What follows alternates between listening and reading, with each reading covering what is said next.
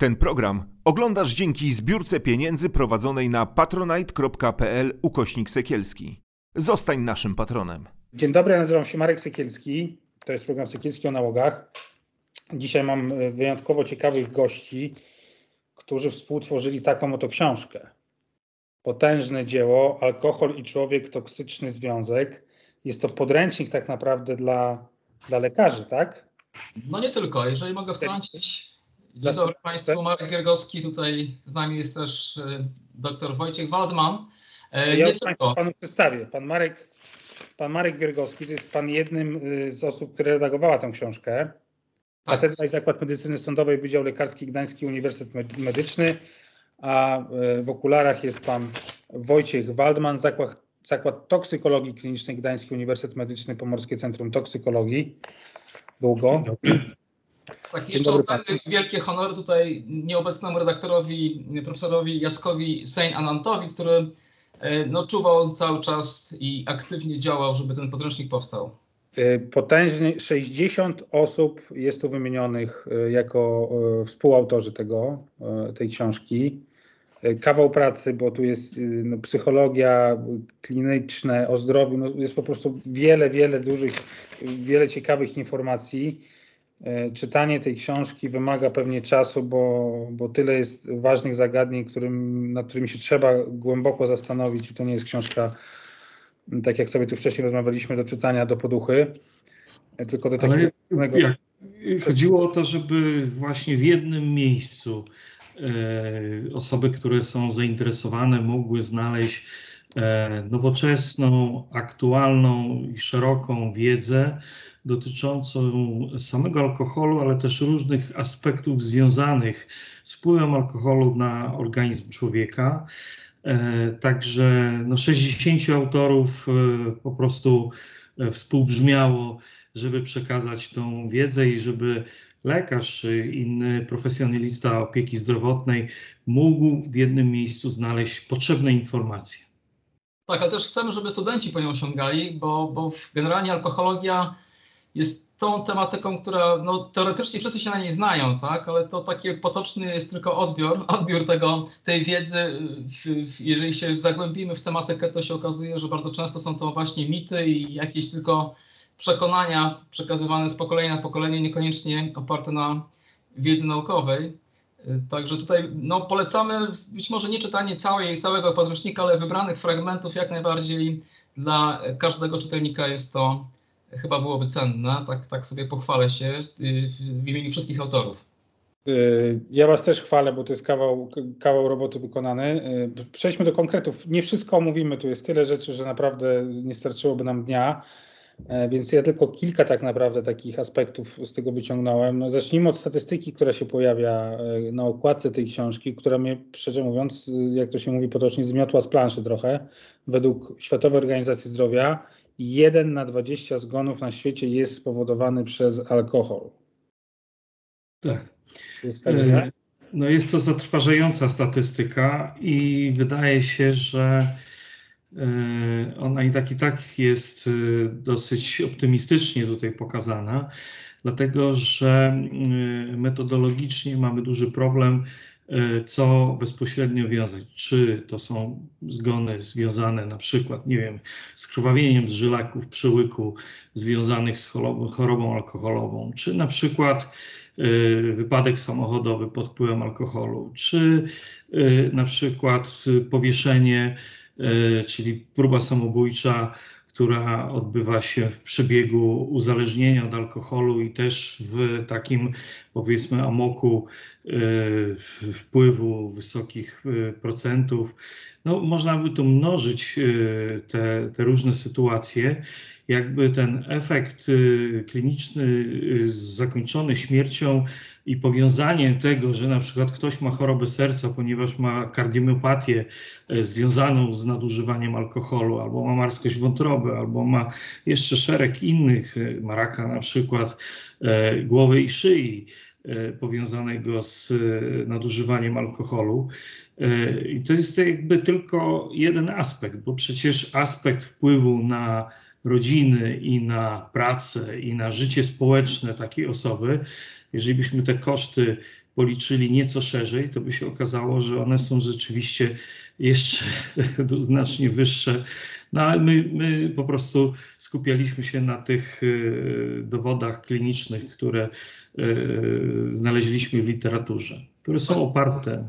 Tak, idea, idea była taka jednak, że chcemy ratować ludzi, mówiąc szumie, czyli jednak na leczeniu. Stąd klinicyści tutaj i lekarze mieli e, pierwszeństwo. Natomiast ten, y, moja, moja dziedzina medycyny sądowej czy toksykologii sądowej tutaj szczątkowej jest zaznaczona. Oczywiście u nas to, jeżeli chodzi o toksykologię sądową, objawia się nieumyślnymi urazami, czyli te nieumyślne urazy, to, to, to w domyśle są zwykle wypadki komunikacyjne, drogowe.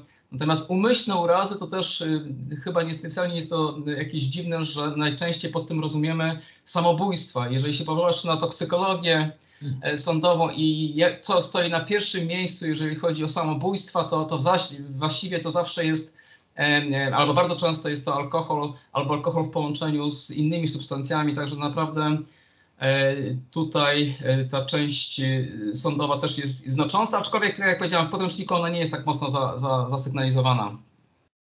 Przypomnę jeszcze raz, bo jeżeli ktoś nie, nie, nie usłyszał, 5% populacji e, traci życie z powodu alkoholu. No myślę, że to może dać do myślenia. Jakie są, e, bo, bo, w takim obiegowym chyba takie mam wrażenie e, postrzeganiu tego, czym jest uzależnienie, nadużywanie alkoholu i, i ja mówię o tych czysto takich zdrowotnych, fizycznych konsekwencjach, to, e, to jest takie taki stereotyp trochę myślenia, że generalnie alkohol niszczy wątrobę, E, często jest to, czasem, czasem jest to obśmiewane, no bo wątroba jest jednym z tych organów, który rzeczywiście się regeneruje, więc trochę się macha na to ręką. E, a no, ale to nie jest przecież tak, nie? Że, że, że tylko wątroba cierpi na nadużywaniu alkoholu. Zaraz Wojtek pewnie uzupełni to wszystko, ale no, trzeba też pamiętać to, co się podkreśla w raportach WHO, które tam co 4 lata na temat alkoholu są publikowane. Podkreśla się, że no, alkohol jest odpowiedzialny za ponad 200 różnych chorób i urazów, czyli no, naprawdę bardzo szerokie działanie. I gdyby to ode mnie zależało, pewnie od Wojtka również, ja jestem może bardziej radykalny, to bym oczywiście wprowadził prohibicję z dnia na dzień. Jeżeli mógłbym jakiś e- element y, taki polityczny wprowadzić, to ja bym poparł każdą partię przy najbliższych wyborach, która by poparła jeden, jeden jedyny choćby argument zakazu sprzedaży alkoholu na stacjach benzynowych. Choćby jakby taka jedna partia się pojawiła, to oddam swój głos na nią. Także to jest, deklaruję tutaj publicznie podczas naszej rozmowy, ale tego nie zrobi żadna partia. Dlaczego? No bo przychody właśnie z, ze sprzedaży alkoholu są na tyle duże, że ani samorządy, ani władze centralne nie będą skłonne, żeby się pozbyć tej alkoholówki, te, tego korkowego tak zwanego, bo to są duże przychody dla, dla gmin, dla miast czy dla budżetu. Ale już oddaję głos Wojtkowi. No, oczywiście kolejny postulat to byłby taki, żeby nie sprzedawać jednak tych małych opakowań alkoholowych, tak zwanych małpek, czy tam ćwiartek, e, jak to zwał, tak zwał, ale generalnie one również wpływają e, no, bardzo niekorzystnie. No, jak powołujemy się na różne statystyki, to w Polsce bodajże mamy jeden sklep, w którym można kupić alkohol na 300 chyba mieszkańców, a w Skandynawii no to jest na kilkadziesiąt tysięcy. Y, to znaczy w ogóle dostępność tak, i, i, do możliwości do, do której godziny. Y, ja byłem w Szwecji raz osobiście, to pamiętam chyba do 18 są one otwarte, więc tam nie ma, nie ma, nie ma biegania e, po alkohol wieczorem na stację benzynową na przykład. No, no, więc właśnie, e, ale mieliśmy powiedzieć parę zdań o, o, o wątrobie, tak? Ale tak naprawdę. Nie, e, wątrobę sobie możemy darować. Tak, tak bo, ja, ja wiem, wiem, o co chodzi. Znaczy, my mamy w tej chwili w Polsce, wydaje mi się, takie dwa istotne problemy związane z alkoholem. To znaczy, używanie alkoholu przez osoby bardzo młode. Czyli dzieci 14-15-letnie, E, które stosują coś takiego, co się nazywa binge drinking, czyli upijanie się do nieprzytomności, które jest no nieprawdopodobnie szkodliwe, ale niekoniecznie na wątrobę, tylko na ośrodkowy układ nerwowy. I to jest również coś, co jest typowe dla Słowian. To znaczy o tej wątrobie to raczej byśmy mówili w aspekcie Francji, tak? używania win, no, tego typu trunków. Natomiast wszyscy ci, którzy spożywają alkohole wysokoprocentowe, czyli dominuje wódka bądź różne postacie inne alkoholów, właśnie alkoholi wysokoprocentowych, no to mamy główne problemy neurologiczne. I to się objawia w ten sposób, że osoby, które są uzależnione, chorują na padaczkę wywołaną przez alkohol, e, na różnego rodzaju zaburzenia świadomości, e, krótkotrwałe bądź długotrwałe, e, różne zaburzenia neurologiczne, czyli neuropatie, które doprowadzają do inwalidztwa. Czyli to jest taki aspekt, który na przykład we Francji występuje bardzo rzadko. Ja pamiętam takie spotkanie kiedyś międzynarodowe w grupie europejskiej, ja taki profesor z Essen, który prowadził psychiatra, największy ośrodek detoksykacyjny w Niemczech. I on mówi, że on nigdy nie widział takiego zespołu majaczenia typowego e, po alkoholu. My to widzimy na co dzień i dopiero jak bodajże jakiś Rosjanin tam trafił do niego, no to mógł się zapoznać z przebiegiem klinicznym, e, e, jak to wygląda. Więc w każdym kraju i w każdej kulturze, w każdym społeczeństwie to troszeczkę jednak inaczej wygląda. Znaczy każdy ma trochę inny obraz. E, dobrze, dobrze, e, dobrze tak. Wojtek, że, że, o tym mówisz, nie? Bo, bo tutaj w zasadzie mamy takie przekonanie, że jak żyjemy w tym naszej, w naszym kraju, że tutaj jest tak jak jest i jest e, zawsze tak samo, a wiemy, że jest inaczej. Polska jest dziś w środku, jeżeli chodzi o konsumpcję alkoholu w Europie. Wcale nie jesteśmy krajem, który najwięcej się pija, natomiast ja się spotykam z, ze studentami, którzy notorycznie rok w rok powtarzają, że my pijemy tak samo dużo jak, jak e, wschód Europy, czyli Rosja, Ukraina, Białoruś. To jest nieprawda i nigdy nie byliśmy w czołówce, tak zwanej czołówce tej niechlubnej konsumpcji alkoholu. Nigdy nie byliśmy w czołówce, tak na dobrą sprawę. U nas teraz mamy te maksimum, powiedzmy, dość stabilne od 2015 czy 16 roku, około tych 10 litrów czystego alkoholu. Według GUS-u, według WHO jest więcej, bo WHO ma trochę inną metodologię obliczeń, ale to nie jest naprawdę czołówka, tak? Także y, co kraj to obyczaj, a, a spo, rodzaj napoju alkoholowego, czy to będzie wino, wódka czy piwo, też ma ogromne znaczenie. Ale przepraszam Wojtek, przerwałem Ci.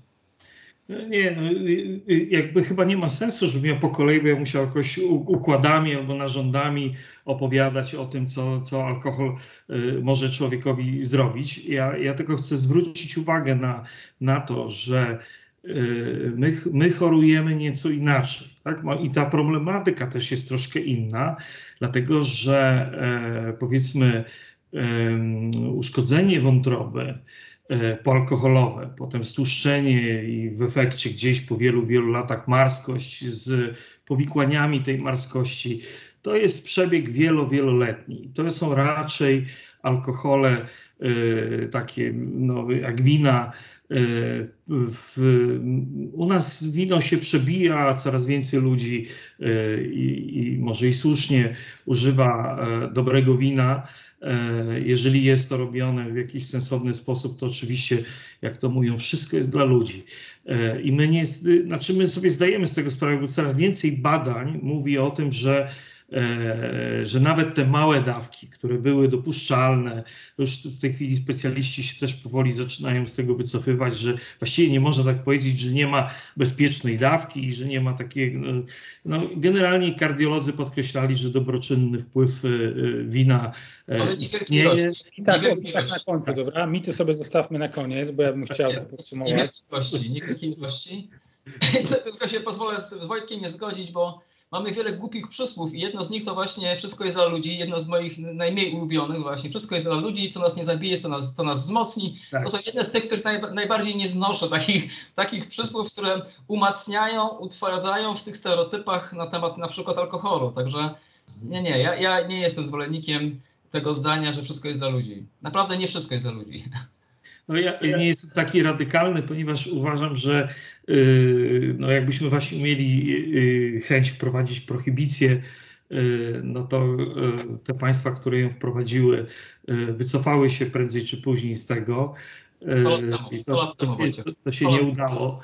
100 lat temu, ale z kolei to sprowadziło rozwój kokainy e, i takiego trunku jak Coca-Cola, e, która miała być winem dla mormonów, tak się to nazywało. E, I jak już kilka tysięcy osób było uzależnionych, to koncern Coca-Cola się wycofał z dodawania danej karmelizowanej kokainy, która daje ten taki charakterystyczny posmak tego napoju. Zastąpiono to kofeiną, no ale ten karmelizowany zapach i smak pozostał, ponieważ tą neutralizuje się tą kokainę, prawda? Ale to nie o to chodzi. To nie, nie chodzi o jakiś radykalizm. Chodzi o to, że na pewno powinniśmy dążyć do tego, żeby drastycznie zredukować to, co się w tej chwili dzieje, dzieje ponieważ no, my jakby na co dzień. Panie Wójcie, co jest według Pana największym problemem teraz? E, największy problem jest tak, że, że jak już nam się wydawało, że jesteśmy państwem europejskim i możemy zlikwidować izby wytrzeźwień, no bo to niehumanitarne było takie wożenie ludzi tam gdzieś e, tego, to ci wszyscy ludzie są w tej chwili przywożeni do e, tak zwanych szpitalnych oddziałów ratunkowych, gdzie inni ludzie są przywożeni z różnych nagłych zdarzeń zdrowotnych, takich jak udar, zawał czy jakieś inne bardzo poważne sprawy. No i e, oni tam leżą razem z ludźmi, którzy mają 5 promili e, alkoholu albo mają jakieś inne tam, no ktoś sobie rozciął e, nos, dał się w bójkę, złamał sobie rękę, spadł z rusztowania, e, e, spowodował wypadek. E, I oczywiście ja nie jestem za tym, żeby jakoś ludzi segregować i traktować inaczej, ale to spowodowało, że mm, no z kolei ci obywatele, którzy nie nadużywają alkoholu, no mają zdecydowanie utrudniony dostęp do opieki takiej ratunkowej, e, no bo gdzieś ta kolejka się tworzy i, i jak ciężej jest uzyskać tą pomoc. Wszyscy na to narzekamy. No rzeczywiście jest to trudne, jeżeli ta skala tego problemu jest duża, a ona jest duża. Myślę, że każdy specjalista medycyny ratunkowej powie, że codziennie, a właściwie bardziej nocami, e, każdej nocy e, przywożeni są tacy ludzie i oni się nimi zajmują. No i właściwie na pewno sporo czasu, atencji, wysiłku całego systemu poświęcamy na to, żeby jakoś zapanować nad tą sprawą, o ile ona jest powiedzmy mniej lub bardziej skomplikowana. Tak? Każdemu takiej, takiej nieprzytomnej osobie musimy wykluczyć, czy nie doszło do krwawienia do środkowego układu nerwowego, e, czy taka osoba nie złamała sobie czaszki, e, czy jakichś innych urazów. Nie, no, znamy obywateli, którzy regularnie kilka razy w miesiącu mają wykonywane tomografy całego ciała, e, co też zdrowe nie jest e, ze względu na dawkę promieniowania. E, I no, no co tu dużo mówić. Pacjenci, którzy się nie uczą na własnych błędach i jakby cały czas no, to chodzi, że to, to się to, to nie jest kwestia tylko tych pacjentów, tylko to jest, co się przekłada na cały system, na cały, to jest problem tak naprawdę całego społeczeństwa. To, co teraz powiedziałeś, Wojtek, na pewno można też jakoś nazwać jako diagnostykę różnicową i ta, ta trudność w odróżnieniu czasami osoby nietrzeźwej od osoby trzeźwej no jest trudna, bo urazy mogą, znaczy to, że ktoś na przykład, nie wiem, był kocze, to niekoniecznie musi świadczyć o, no, o, o nieszczęśliwości i tych tak. objawów oczywiście może być mało specyficznych, dużo więcej. E, tutaj jedno z takich ciekawszych rzeczy, które też się nauczyłem przy okazji, jak, jak, jak czytałem te poszczególne rozdziały, to to, że na przykład osoba uzależniona od alkoholu nie jest w stanie opanować drżenia języka. Tak? I tutaj w jednym, na jednej ze stron e, któryś z lekarzy opisuje, że, że bardzo e, dobrym takim, jednym z takich dobrych różnicujących e, elementów jest właśnie prośba o wyciągnięcie języka i sprawdzenie, czy ten język nie drży. No i właśnie o takich, o takich rzeczach nam zależało, żeby ta książka informowała lekarzy i osoby, które właśnie dokonują takiej diagnostyki różnicowej, były w stanie odróżnić E, właśnie osobę uzależnioną, e, osobę, która jest pod wpływem od tej osoby, która jest tam z urazem. E, I, i tutaj no to nie jest zwykle takie bardzo proste, a sam zapach, tak jak ja obserwuję w aktach sprawy, jak czytam te różne sprawy alkoholowe, ich jest też przeważająca większość, no to e, najczęściej policjanci skupiają się na, na, na zapachu, czy ten zapach alkoholu jest wyczuwalny, czy ktoś bełkocze, czy nie bełkocze. E, i czy się chwieje. W zasadzie takie trzy elementy są w aktach sprawy, które jakoś tam różnicują osobę pijaną od osoby trzeźwej. E, no ale tak jak, tak jak powiedziałeś Wojtek, to nie jest łatwe, jeżeli chodzi o różnicowanie. Jeżeli dobrze pamiętam, pytanie brzmiało, co byśmy poprawili, tak? E, ja już tutaj, e, Wojtek uważa, że jestem radykalny, ja, ja uważam, że faktycznie ta dostępność jest zbyt duża w Polsce. Tak. I, I, tutaj chyba nie ma, zgodzisz się ze mną Wojtek, że jednak alkohol to jest substancja na tyle toksyczna i uzależniająca, że ten dostęp powinien być dużo mniejszy. W książce my nie, nie, nie wchodzimy w tą radykalność moją, bo ja faktycznie jestem dosyć radykalny, ale faktycznie opisujemy, jeżeli jest wpływ pozytywny alkoholu, to staramy się to e, opisywać, ale tych publikacji, tych danych, tych wyników o pozytywnym wpływie alkoholu nie ma aż tak wiele i bardzo często można zastąpić to innymi lekami, innymi substancjami czy aktywnością, jakąś taką stylem życia i wcale ten alkohol do niczego nie jest potrzebny. Ale nie trzeba tutaj... przyjmować trucizny, żeby się uleczyć, nie? Tak. To, to, to, co Marek na przykład tutaj mówi, chociażby kwestia odkrycia, że wino może mieć zbawienny wpływ, to się okazało, że wszystkie właściwie soki, które zawierają flawonoidy i te wszystkie e, związki, które potem po fermentacji również są w winie. Tak, no to ten, ten efekt ten, ten efekt można uzyskać nie pijąc alkoholu, po prostu przyjmując e, te flawonoidy w no postaci no, tak, tak, kompotu to, to, czy, czy, soku. E, także no, umówmy się, że pewne rzeczy są jakby naciągane. Przepraszam, że przerywam. Ten zbawienny dla zdrowia kieliszek wina, jak się mówi, nie? Że, że, że właśnie ma to świetne działanie. On ma ten element, gdzie rzeczywiście tam po, po, poprawia funkcjonowanie organizmu. Natomiast to nie alkohol jest tak. tą substancją. To nie wynika z alkoholu, tylko z tego. Działanie, nie? To, jest, tak. to są zupełnie inne rzeczy, które tam są. Tak. No, nie, no niestety yy, yy, przede wszystkim młodzież, no przecież w wielu krajach, tak jak w Ameryce, yy, dostępność alkoholu od 21 yy, roku życia. No to, co mnie tam szokowało, na przykład to, że E, legitymowali mnie w sklepie. No, nie wyglądam na, na młodego człowieka, ale bardzo restrykcyjnie do tego podchodzili i praktycznie rzecz biorąc, może to było śmieszne, ale porównując do zakupu alkoholu w pierwszej, lepszej lokalnej sieci w Polsce, no to w ogóle nie ma, nie ma porównania, tak? To, to, to rzeczywiście mm, jakby ta dbałość o to, żeby młodzi ludzie nie mieli dostępu jest bardzo istotna. No, to też ta kultura, no nie wiem, możemy, potem będziemy rozmawiali o mitach, to żebym o klinie nie zapomniał powiedzieć, bo no to takie wydaje mi się mitologiczne jest w naszym kraju. Yy, to... Niech pan mówi, panie Wojciechu, żebyśmy nie zapomnieli, bo już yy, o, wino, wino się pojawiło z mitów, więc możemy o mitach rozmawiać. O, o mitach, dobrze.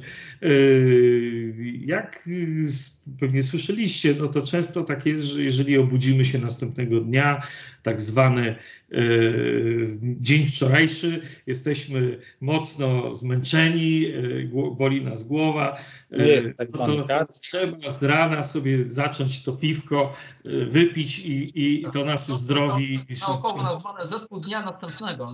Tak, zespół dnia następnego, hangover, czy tam no, różnie to tam nazywają, ale generalnie chodzi o to, że przełamujemy fizjologiczną barierę. E, jeżeli jesteśmy zatruci, to organizm domaga się tego, my mamy obrzydzenie, po prostu niechęć do przyjęcia trucizny. Jeżeli my wprowadzamy ten, e, tą truciznę do organizmu, mimo tego, tak, czyli mimo tego, że czujemy, że e, to, to nie jest dobrze, tak, to Oczywiście włączamy zupełnie inny mechanizm adaptacji organizmu. Organizm się jak gdyby uczy, to, to wchodzi w bardzo głębokie struktury receptorowe, synaptyczne i właściwie trochę alkohol zaczyna działać jak neuroprzekaźnik. E, I to jest masakra, bo to właśnie e, wpływa na wytworzenie e, mechanizmu uzależnienia. I e, ci wszyscy, którzy promują takie zachowanie, że jak się źle czujesz, to sobie tam wypij rano klina jednego, drugiego, to jest wprowadzanie właśnie krótką ścieżką do e, uzależnienia. Tego nie wolno robić. To jest po prostu chyba najgorsza rzecz, jaką można e, komukolwiek polecić. I to odwrotnie, no trzeba by właśnie rozpowszechniać tą wiedzę, że absolutnie tego nie wolno robić. To jest trochę tak, wie pan, jakbyśmy wzięli, no ja tak studentom medycyny tłumaczę, że to tak trochę jakbyśmy wzięli kredyt z banku no żeśmy się zabawili, tak? Zabawiliśmy się używając substancji toksycznych dla organizmu. Organizm musi się oczyścić, musi odchorować. No kredyt boli, no boli, no trzeba będzie spłacić ten kredyt. Y, jak to zwał, jeżeli my bierzemy chwilówki, czyli pijemy klinika jednego, drugiego, trzeciego i trzeciego dnia i czwartego dnia, to potem spłata tego kredytu będzie jeszcze bardziej bolesna niż tego pierwszego dnia. Nie wiem, czy to jest dobre porównanie. Wydaje się, że no, rozumieją, o czym mówię. E, dobrze by było, żeby to generalnie Polacy rozumieli. E, no ale to, to jest, wydaje mi się, bardzo ważne. Tak? Czyli pierwszy mit to, że alkohol ma jakąś korzyść. Drugi mit to, że y, można właśnie tymi klinami się leczyć i ratować. Kolejny mit, że jak dziecko się napije, to często też rodzice w domu, a to taka impreza, no już jest prawie dorosły, no to Boże, no to poczęstujemy. No lepiej, żeby w domu pił, a nie tam gdzieś na zewnątrz. I tak przecież tam go poczęstują i będzie pił, tak? No tych rzeczy jest po prostu dużo. Taki mit przy okazji COVID-u, który, który był też przypomniany, no to to działanie odkażające dla organizmu całego, bzdura, czyli bakteriologiczne, wirusobójcze działanie, ono oczywiście ma takie w bardzo wysokim stężeniu, 60-70%, no takiego zwykle nie pijemy, ale gdybyśmy nawet zaaplikowali sobie taki spirytus, to no to jest prosta droga do odbiałczania, czyli do no takiego bardzo gwałtownego, radykalnego działania e, na, na nasz organizm, na krew i, i generalnie jest to zabójcze. Ale nie, to Marek, to musimy to powiedzieć, bo y, bodajże rekordzista, o którym ja wiem, ale może ty wiesz lepiej, y, y, to miał 14 Y, promili, czyli to jest 1,4% alkoholu. Mówię o osobie, która to przeżyła. Y, to no to, przypadek jest, tak? Y, tak, no ale to, to nawet nie, nie, chodzi o rekordy, tylko chodzi o jakby uzmysłowienie sobie pewnej rzeczy, że to, o czym Marek mówi, że działanie wirusologiczne alkoholu odbywa się przy 60, tam 70%. Tak, tak. To jak powierzchnię stołu popryskamy takim alkoholem, to za wirusy zabijemy, one wyschną i tak dalej, i tak dalej. Natomiast no, y, nawet osoba, która jest po prostu śmiertelnie upojona alkoholem, nie osiągnie takiego stężenia, które no, prędzej siebie zabijemy niż tego wirusa, tak? No, Mówiąc bardzo prosto. Także tak, no, to... Też trzeba dodać też, że no, zwykle ludzie umierają tak mniej więcej od 3-4 promili, nieuzależnione osoby, uzależnione to, to ta skala się przesuwa 5, 6, 7, 8 promili. I to są takie stężenia, które my też obserwujemy w Zakładzie Medycyny Sądowej e, od tej strony właśnie już pacjent, pacjentów zmarłych, tak, po alkoholu. I tutaj muszę powiedzieć, że e, to może, może będzie jakoś, jakoś, nie wiem, może szokujące dla dla, dla niektórych z, z słuchaczy to, że lekarze w cudzysłowie cieszą się, jak, jak, jak widzą takie wyniki, bo oczywiście mają wtedy przyczynę zgonu. Najczęściej już jest to e, na tyle wysoki wynik, że wtedy mówią, OK, nie muszę dalej szukać, mam już, mam już wynik, tak? Czyli mam w miarę prostą, prostą diagnozę tego, co się wydarzyło. E, to tak, mówię, to tak trochę mówię, pół żartem, pół serio, ale faktycznie te zatrucia alkoholowe się bardzo często nam zdarzają. Jeżeli mam powiedzieć o skali, no to w skali Y, całego kraju. My badamy zwykle około 3000 y, próbek pod kątem y, alkoholu i z tego tam mniej więcej połowa jest dodatnich, a druga część to powiedzmy, nie wiem, 600-700 jest pozostałych substancji, czyli tutaj generalnie jest naprawdę ogrom pracy związanej tylko i wyłącznie z alkoholem, z jedną substancją, która tyle przez tyle lat poprzez te, te przyzwolenie społeczne, mówiąc kolokwialnie, miesza i, i, i zaburza życie, no, szumnie mówiąc, wszystkich społeczeństw, również w Polsce. To ja muszę tutaj też dodać jakiś swój komentarz. E, mm, osoba, bo to nie jest takie proste, to znaczy tak, najmłodszą osobą, jakoś tam powiedzmy chłopak miał 13 lat, którego musiałem zaintubować, czyli włożyć mu rurę do mm, drzewa skrzelowego i e, podłączyć do respiratora, bo miał niewydolny oddech. On miał zaledwie 1,8 promila alkoholu. Czyli wydawało się, że no oczywiście to był wysoki promilarz, e, ale no nie taki, który by. E, mam często pacjentów, dla porównania, którzy mają 6 promili i ja z nimi normalnie rozmawiam, zbieram wywiad, wszystko jestem w stanie omówić y, i i to jest taki paradoks, tak? bo to, to dotyczy biegłych sądowych, różnych spraw, lekarzy, E, często właśnie to, to, dlatego uważamy, że ta edukacja jest bardzo ważna, na przykład e, dla psychiatrów, którzy się przecież zajmują bardzo często. E, trafia do nich taki pacjent i on na przykład ma no, 3 promile alkoholu. I teraz oni mówią, no tak, on zaczyna mieć objawy zespołu odstawiennego, czyli zaczyna się trząść i poci się, ma tachykardię, narasta niepokój i e, trzeba wiedzieć, że ciężki zespół odstawienny od alkoholu jest tak naprawdę stanem zagrożenia życia. Czyli on sam w sobie może zabić. E, w przebiegu tego zespołu może wystąpić napad padaczkowy. Problem polega na tym, że jeżeli ten napad padaczkowy wystąpi, to w mózgu istnieje takie zjawisko torowania, czyli jeżeli coś takiego się wydarzy raz, to już potem przy każdym trzeźwieniu może dochodzić do nawrotów tych właśnie e, drgawek e, padaczkowych. Może się pojawić objawa, objawy halucynozy, czyli pacjent no, widzi coś, czego nie ma. To są ci ludzie, którzy na przykład zamordowali swoje dzieci a potem w więzieniu się wieszają, no bo jak już powiedzmy dojdą do tego i sobie uzmysławiają, co oni zrobili, to nie schizofrenicy latają z siekierami. To właśnie najczęściej są ludzie, którzy są pod wpływem schodzenia z tych wysokich promilarzy. Teraz problem jest taki, że jeżeli ktoś osiągnął taki wysoki promil, znaczy, że długo to trwa, organizm się zadoptował i potem przy schodzeniu on już może mieć objawy przy jeszcze wysokich promilach, czyli przy trzech promilach on już będzie miał ciężki zespół odstawienny. E, I teraz e, no gdzie tutaj jesteśmy, że on tak ma przyjść na świadomie i dobrowolnie podpisać zgodę na leczenie odwykowe, na jakąś tam detoksykację, jak on po prostu umiera, jest prawie w stanie wyjść i stanąć obok siebie. Także w ogóle to y, mało tego, to też jakby Państwu uświadomić, że y, pacjent, ten 6, 6 promili, który y, ze mną rozmawia, on paradoksalnie wydaje się e, w miarę na tyle jeszcze w takiej sytuacji, że e, może o sobie decydować, czyli panuje nad tym, co on robi. A na przykład ta osoba, u której ten, te promile się zaczynają obniżać i on wchodzi w 3 promile, to e, zaczynają się te objawy wytwórcze, e, które powodują, że on absolutnie nie, on nie, nie jest w stanie e, podejmować jakichkolwiek decyzji. On wymaga leczenia bezwzględnie.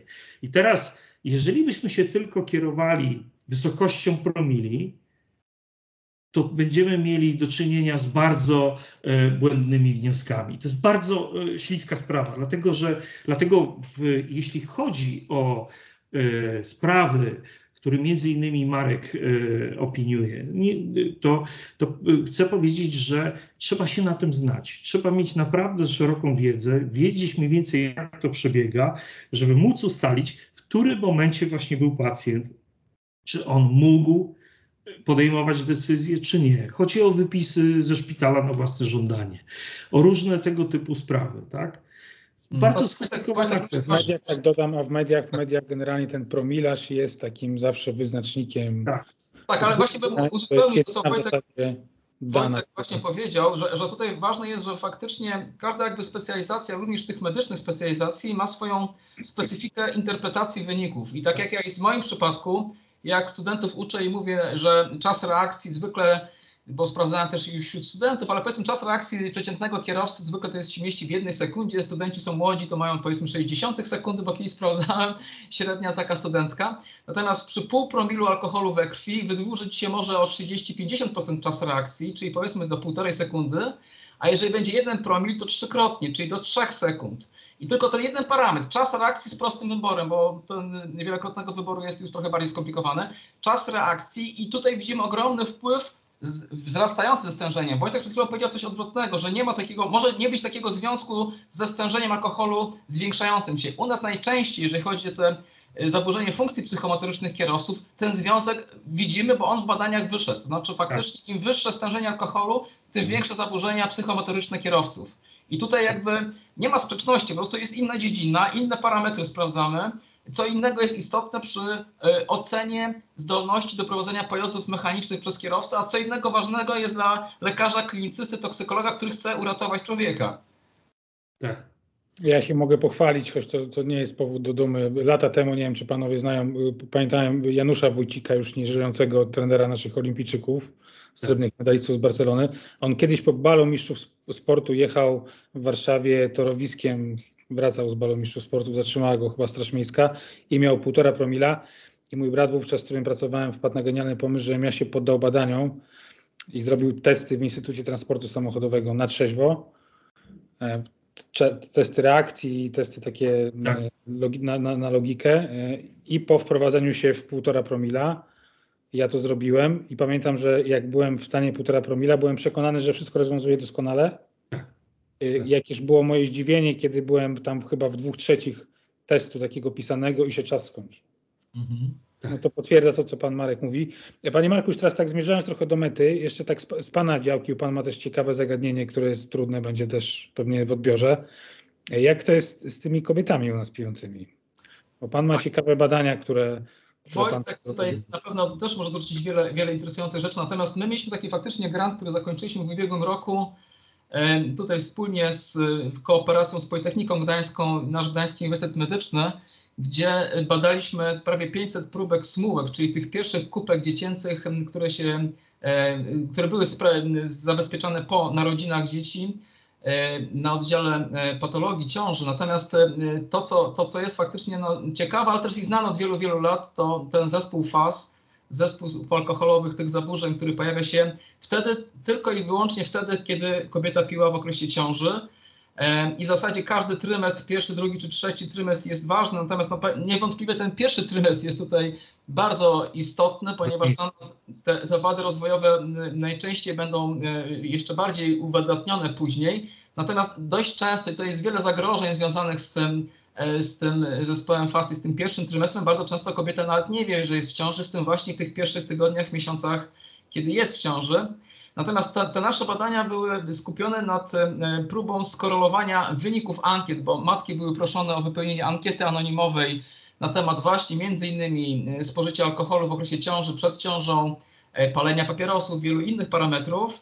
I te wyniki ankiet wskazywały, że przyznały się kobiety w tej anonimowej ankiecie, około 4% kobiet przyznało się do spożycia alkoholu, co też pokrywało się z wcześniejszymi nielicznymi wynikami badań w Polsce. Tam było 2-3% kobiet, też zakładało się w badaniach ankietowych, że kobiety mogły spożywać alkohol. Natomiast badaliśmy również te smułki dziecięce, tą kubkę dziecięcą i, i z tych badań wynika, że jednak trochę ten odsetek jest większy. Prawdopodobnie około 8%, to jeszcze tutaj te badania, jeszcze opracowujemy te wyniki, natomiast tutaj pomocne są w badaniu tego rodzaju narażenia na spożycie alkoholu biomarkery. I tutaj te biomarkery, takie trzy akurat sprawdzaliśmy, to jest estretylowe kwasów tłuszczowych, dosyć znana sprawa od wielu lat, które się okazały mniej swoiste od siarczanu etylu i osfatydylu etanolu. E, te biomarkery mogą wskazywać, ale nie na pierwszy trymestr ciąży, ale bardziej na drugi i trzeci trymestr, wtedy kiedy faktycznie ta smułka miała szansę się wytworzyć w organizmie kobiety. I tutaj mówię, no tutaj bardzo duży jakby zarzut nie tylko nasz, ale i też i badaczy z innych krajów jest w stosunku do badań ankietowych. To znaczy kobiety niechętnie się przyznają do picia alkoholu w okresie ciąży, bo to jest oczywiście żadna chluba.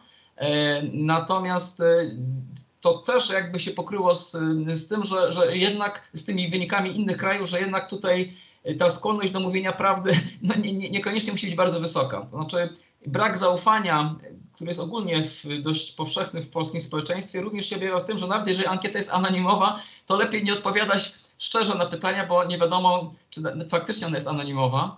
E, także ankiety, takie mam wrażenie, graniczące z prawdą, że, że faktycznie wyniki badań ankietowych mogą być mocno zaniżone również w stosunku do spożycia alkoholu w okresie ciąży. nie chcemy tutaj piętnować absolutnie kobiet, żeby było jasne. Absolutnie, absolutnie nie. nie. Panie Wojciechu, a jak to z Pana perspektywy, co jest takiego najbardziej niebezpiecznego dla, e, dla, dla dziecka, które, którego matka w ciąży spożywa alkohol? E, ostatnio Piotr Jabłoński, który jest szefem e, Krajowego Biura Przeciwdziałania Uzależnieniu, powiedział, że ta statystyka, którą my od lat znaliśmy, że trzech mężczyzn pije w stosunku do jednej kobiety, E, w tej chwili jest e, galopujący wzrost e, użycia alkoholu u kobiet i zbliżamy się do tej granicy 1 do 1, czyli 50% do 50%. Więc kobiety nadrobiły to w ostatnim czasie. Wpływ miał, miała na to pandemia i okres popandemiczny. I to jest jeden temat. Drugi temat ważny, E, były takie badania robione przez Klaudię Spis, e, Niemkę, anestezjolożkę, która e, pytała pacjentów w szpitalu, czy oni nadużywają alkoholu. Ale zrobiła to w taki sposób, że te, te pytania wracały trzykrotnie. I okazało się, że pacjenci przy pierwszym pytaniu, no tam niewielki odsetek się powiedzmy przyznawał, Później jak y, poznali personel, troszkę nabrali zaufania, no się tak, y, że tak powiem, oswoili, no to powiedzmy ta, ta współpraca, compliance, który y, wzrastał znacznie i rzeczywiście no, mamy też jakiś taki problem z podważaniem kompetencji pracowników medycznych. Jakby no, powinniśmy wrócić gdzieś do, do tej idei, że, idei, że no, tylko poprzez współpracę. No to jeżeli pacjent mnie oszuka, tak, powie, że on czegoś tam, e, no wie pan, e, to właściwie jest stała procedura, że pacjentka, która na przykład e, popełniła próbę samobójczą, przyjęła leki przeciwdepresyjne, no ale przy okazji wyszło, że miała 1,6 promila alkoholu, nie mało, no i się pytam pani, jak to było, ona mówi, nie, nie, ja tylko wieczorem dwa piwa wypiłam, nie? No to, e, to jest tak, że wiadomo, że to jest niemożliwe, że to po prostu e, jest bez sensu, no ale mamy jakąś taką skłonność i jakby zrozumienie tego, że e, ta pomoc będzie, jak idziemy razem, w jednym kierunku, to znaczy zdrowienia tego człowieka. My nie jesteśmy po to, żeby kogoś oceniać, gadać mu tam jakieś kazania to, to nie o to chodzi. To znaczy, yy, dobrze by było, żeby ludzie jakby zrozumieli, że lekarz jest, nie jest wrogiem, tak? tylko jest przyjacielem, który no, chce Y, zrobić najlepiej, jak to możliwe, na korzyść tej danej osoby. Więc ukrywanie, kombinowanie, no nie wiem, robienie takich, raz, że ci lekarze y, z reguły tacy głupi nie są. Często nie ujawniają tego, przymykają oko. No dobra, chłopie, nie chcesz, to jest twoja sprawa. Y, ale to jak gdyby chyba nie tędy droga. No generalnie chyba powinniśmy do tego troszkę inaczej podchodzić, tak? Ale no, przez właściwie ostatnich chyba 30 lat to cały czas podważamy, że ten personel medyczny to on jakoś tak kontrze występuje do pacjentów, a nie dla nich. E, no, e, przyznam się szczerze, że mnie to przez całe lata boli, e, że często właśnie też i ci pracownicy opieki zdrowotnej są obarczani za niedostatki związane z pracą tego systemu, ale to przecież nie my regulujemy te, te sprawy, tak? No ale jesteśmy na pierwszej linii frontu, więc jakby najbardziej nam się obrywa. I przyznam się szczerze, że y, no, część kolegów i koleżanek ma tego serdecznie dosyć. No i jak gdyby y, to się też przekłada na, na, na ich pracę, tak? No bo y, jeżeli z góry wiadomo, że będzie ta praca oceniona niedobrze, no to po co się wysilać, nie? Bardzo no, niebezpieczne. To jest oszukiwanie samego siebie, to co Pan wspomniał, jakby oszukiwanie lekarza to jest przede wszystkim działanie na własną szkodę i to warto wiedzieć, bo pewnie każdy jest w stanie zrozumieć, że pewne zachowania, pewnych własnych zachowań możemy się wstydzić, natomiast u lekarza jednak trzeba się po prostu rozebrać do golasa czasem i stanąć w prawdzie, jak to się mówi. E, Panie Marku, ma Pan szansę jeszcze postawić kropkę. Mm. O, to jeżeli mam taką szansę, to bym bardzo chciał podziękować e, wszystkim współautorom, tutaj nieobecnym, bo, bo jesteśmy tutaj, reprezentujemy autorów e, w dwójkę z Wojtkiem. Natomiast naprawdę to był duży wysiłek całego zespołu i, i też tak jak z Jackiem Anantem tutaj podkreślaliśmy, my nie uważamy, że to dzieło jest skończone i doskonałe i z chęcią, jeżeli taka będzie potrzeba, to e, i taka możliwość, to zaktualizujemy ten podręcznik o, o więcej lepszych treści, bo uważamy, że w edukacji jest siła, tak Wojtek? Chyba, tak, jeżeli, zdecydowanie. Ja, ja, wiem, to jest taki trochę wyświechtany slogan, ale, ale naprawdę w to wierzę, że, że edukacja może doprowadzić do zmian zachowań, tak? bo, bo to te nasze zachowania są faktycznie często złe, niedobre, jesteśmy uzależnieni od komórek, od wielu innych rzeczy, natomiast edukacja może pomóc. Ja nie mówię, że to na pewno się wydarzy, ale dla mnie przynajmniej osobiście zrozumienie jakiegoś tematu jest podstawą, podstawą później przełamania samego siebie i namówienia samego siebie do zmiany swoich zachowań. Zrozumienie po pierwsze, przemyślenie i też tak to, co Wojtek teraz powiedział na końcu, no troszkę też szacunku dla, dla zawodu lekarza, jeżeli się okaże, że ten lekarz nie jest właściwy, no to można zmienić lekarza. Naprawdę tutaj nie ma problemu. Bywa różnie w życiu, czasami się trafi na złego lekarza, tak samo jak na złego tak toksykologa. Mechanika fryzjera. Tak. No, ale Marku, może ważniejsze, żebyśmy powiedzieli, że przymierzamy się do książki o narkotykach. Tak jest. Chcemy też książkę o narkotykach. Tutaj dostaliśmy już e, dzięki wydawnictwu dostaliśmy tą szansę stworzenia książki o narkotykach i dopalaczach. Tutaj już pierwsza była taka dyskusja, że właściwie te dopalacze nie powinniśmy tej nazwy używać e, w nazwie jakby książki, bo, bo to jest taki, taki żargonowy troszkę, no ale to są takie szczegóły. No i miejmy nadzieję, że w ciągu najbliższego roku tutaj znowu się autorzy e, skłonią do, do współpracy z nami, wspólnie będziemy tworzyć o, o ten podręcznik. Także no, przede wszystkim podziękowania dla autorów, ale też mam nadzieję, że ten podręcznik nie będzie jakąś taką suchą pozycją, którą y, nikt nie sięga i tylko my tutaj w trójkę sobie porozmawialiśmy i ona sobie pójdzie w świat. Ja, ja robię wszystko, żeby ona jednak stała się bardziej popularna, nie dlatego, żeby być sławnym i bogatym, y, bo ani jedna, ani drugie nigdy nie było dla mnie najważniejsze. Natomiast y, uważam, że. Żeby zostać sławnym i bogatym, to trzeba seks, Drugs and Rock and Roll. Jest. Tutaj tak. Tutaj, praktyczna. Wydaje się, że jest dobrze napisana o tyle, że, że też ma po prostu konkretne rzeczy dla profesjonalistów, łatwe do znalezienia, więc wydaje mi się, że yy, tam i ratownicy medyczni, i powiedzmy pielęgniarki, lekarze, yy, kupa ludzi jest w stanie skorzystać. Czytając. To jest jeszcze, jeżeli mam końcowe jeszcze słowa dodać, to, to, to, że to jest takie uzupełnienie tej, tej części psychoterapeutycznej i terapeutycznej. Tych książek jest cała masa psychoterapii, terapii, psychoterapeutów i bardzo dobrze. To jest ich też praca, ogromna praca i ogromny udział w leczeniu uzależnień alkoholowych. Natomiast tu troszkę do, jakby próbujemy zbalansować również ten wpływ y, diagnostyki, lekarzy klinicznych, którzy na co dzień spotykają się z tymi problemami alkoholowymi, współpracują z psychiatrami, z psychologami, natomiast y, jakby była zachwiana w przeszłości, nadal właściwie jest zachwiana ta, ta współpraca. Troszkę chyba, może tutaj ujawnię jakąś takie, taką tajemnicę, która nie jest tajemnicą, trochę się czasami nie lubią psychiatrzy z lekarzami i vice versa. E, ale to jest, to jest taka środowiskowa jakaś taka wada, którą ja z boku patrząc trochę mnie e, dziwi, bo, bo jedni i drudzy są bardzo ważni w moich oczach i, i niepotrzebnie są jakieś takie antagonizmy pomiędzy psychologami, psychiatrami, a lekarzami innych to, specjalności. To może być takie banalne, jak w szkołach pewnie każdy nas spotkał, każdy ja nauczyciel uważa, że jego przedmiot jest najważniejszy. Ja żyję bardzo dobrze z psychiatrami i psychologami, no ale rzeczywiście no jest jak, jakaś taka animozja, ale yy, chodzi o bardzo praktyczny aspekt tej książki. Naprawdę yy, z czym uważać, co można zrobić. E, na przykład, czy można podać e, niektóre leki przy tym, jak pacjent ma 2 promile alkoholu, tak? Bo na przykład e, dominuje taka informacja, że absolutnie człowieku, jak mu podasz tam jakiś lek, to od razu go zabijesz, tak? A nie ma możliwości, trzeba podać.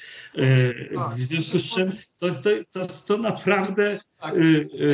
jest napisane kawa na ławę, żeby, żeby ten biedny lekarz, który potem na tej pierwszej linii frontu musi tam walczyć, no to on dostaje gotowy y, przepis, jak sobie poradzić. Od tak, wiele, wiele aspektów I, i, przy, przy stanach tych okołooperacyjnych, bo na operację trafiają ludzie w stanie tak. nieszczęśliwości, też trzeba odpowiednio postępować. A teraz mi się otworzyła taka inna klapka z jednych z tych spraw, które niedawno e, konsultowałem tutaj z lekarzem onkologiem, się okazuje, to też może być ciekawostką, bo e, w bolusie był podawany lek przeciwnowotworowy na bazie alkoholu i miałem, dostałem takie, takie zadanie do przeliczenia, jak, jak e, szybko będzie można uwolnić tego pacjenta z oddziału, żeby on mieć pewność, że jest trzeźwy, bo on przyjechał do tego do oddziału, do szpitala, do szpitala samochodem, także między innymi w tej książce są, są te, te wzory, one oczywiście też są w internecie, bo wszystko internet zawiera, natomiast w książce są też wzory, gdzie można sobie spokojnie policzyć, pamiętając o tym, że spalamy alkohol 8 do 10 gramów etanolu na godzinę na przykład mhm. Y, i oszacować, kiedy faktycznie bezpiecznie można pacjenta wypuścić do domu, żeby jechał,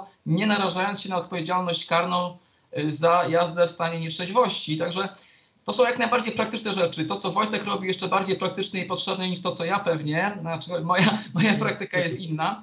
Natomiast to, y, tutaj ratujecie życie, a ja już, już za późno nikogo nie uratuję. E, e, ale, ale mówię, no ale czasami... ta książka kogoś uratuje. Oby, oby, tak. E, panowie, dziękuję za spotkanie, dziękuję za tą książkę.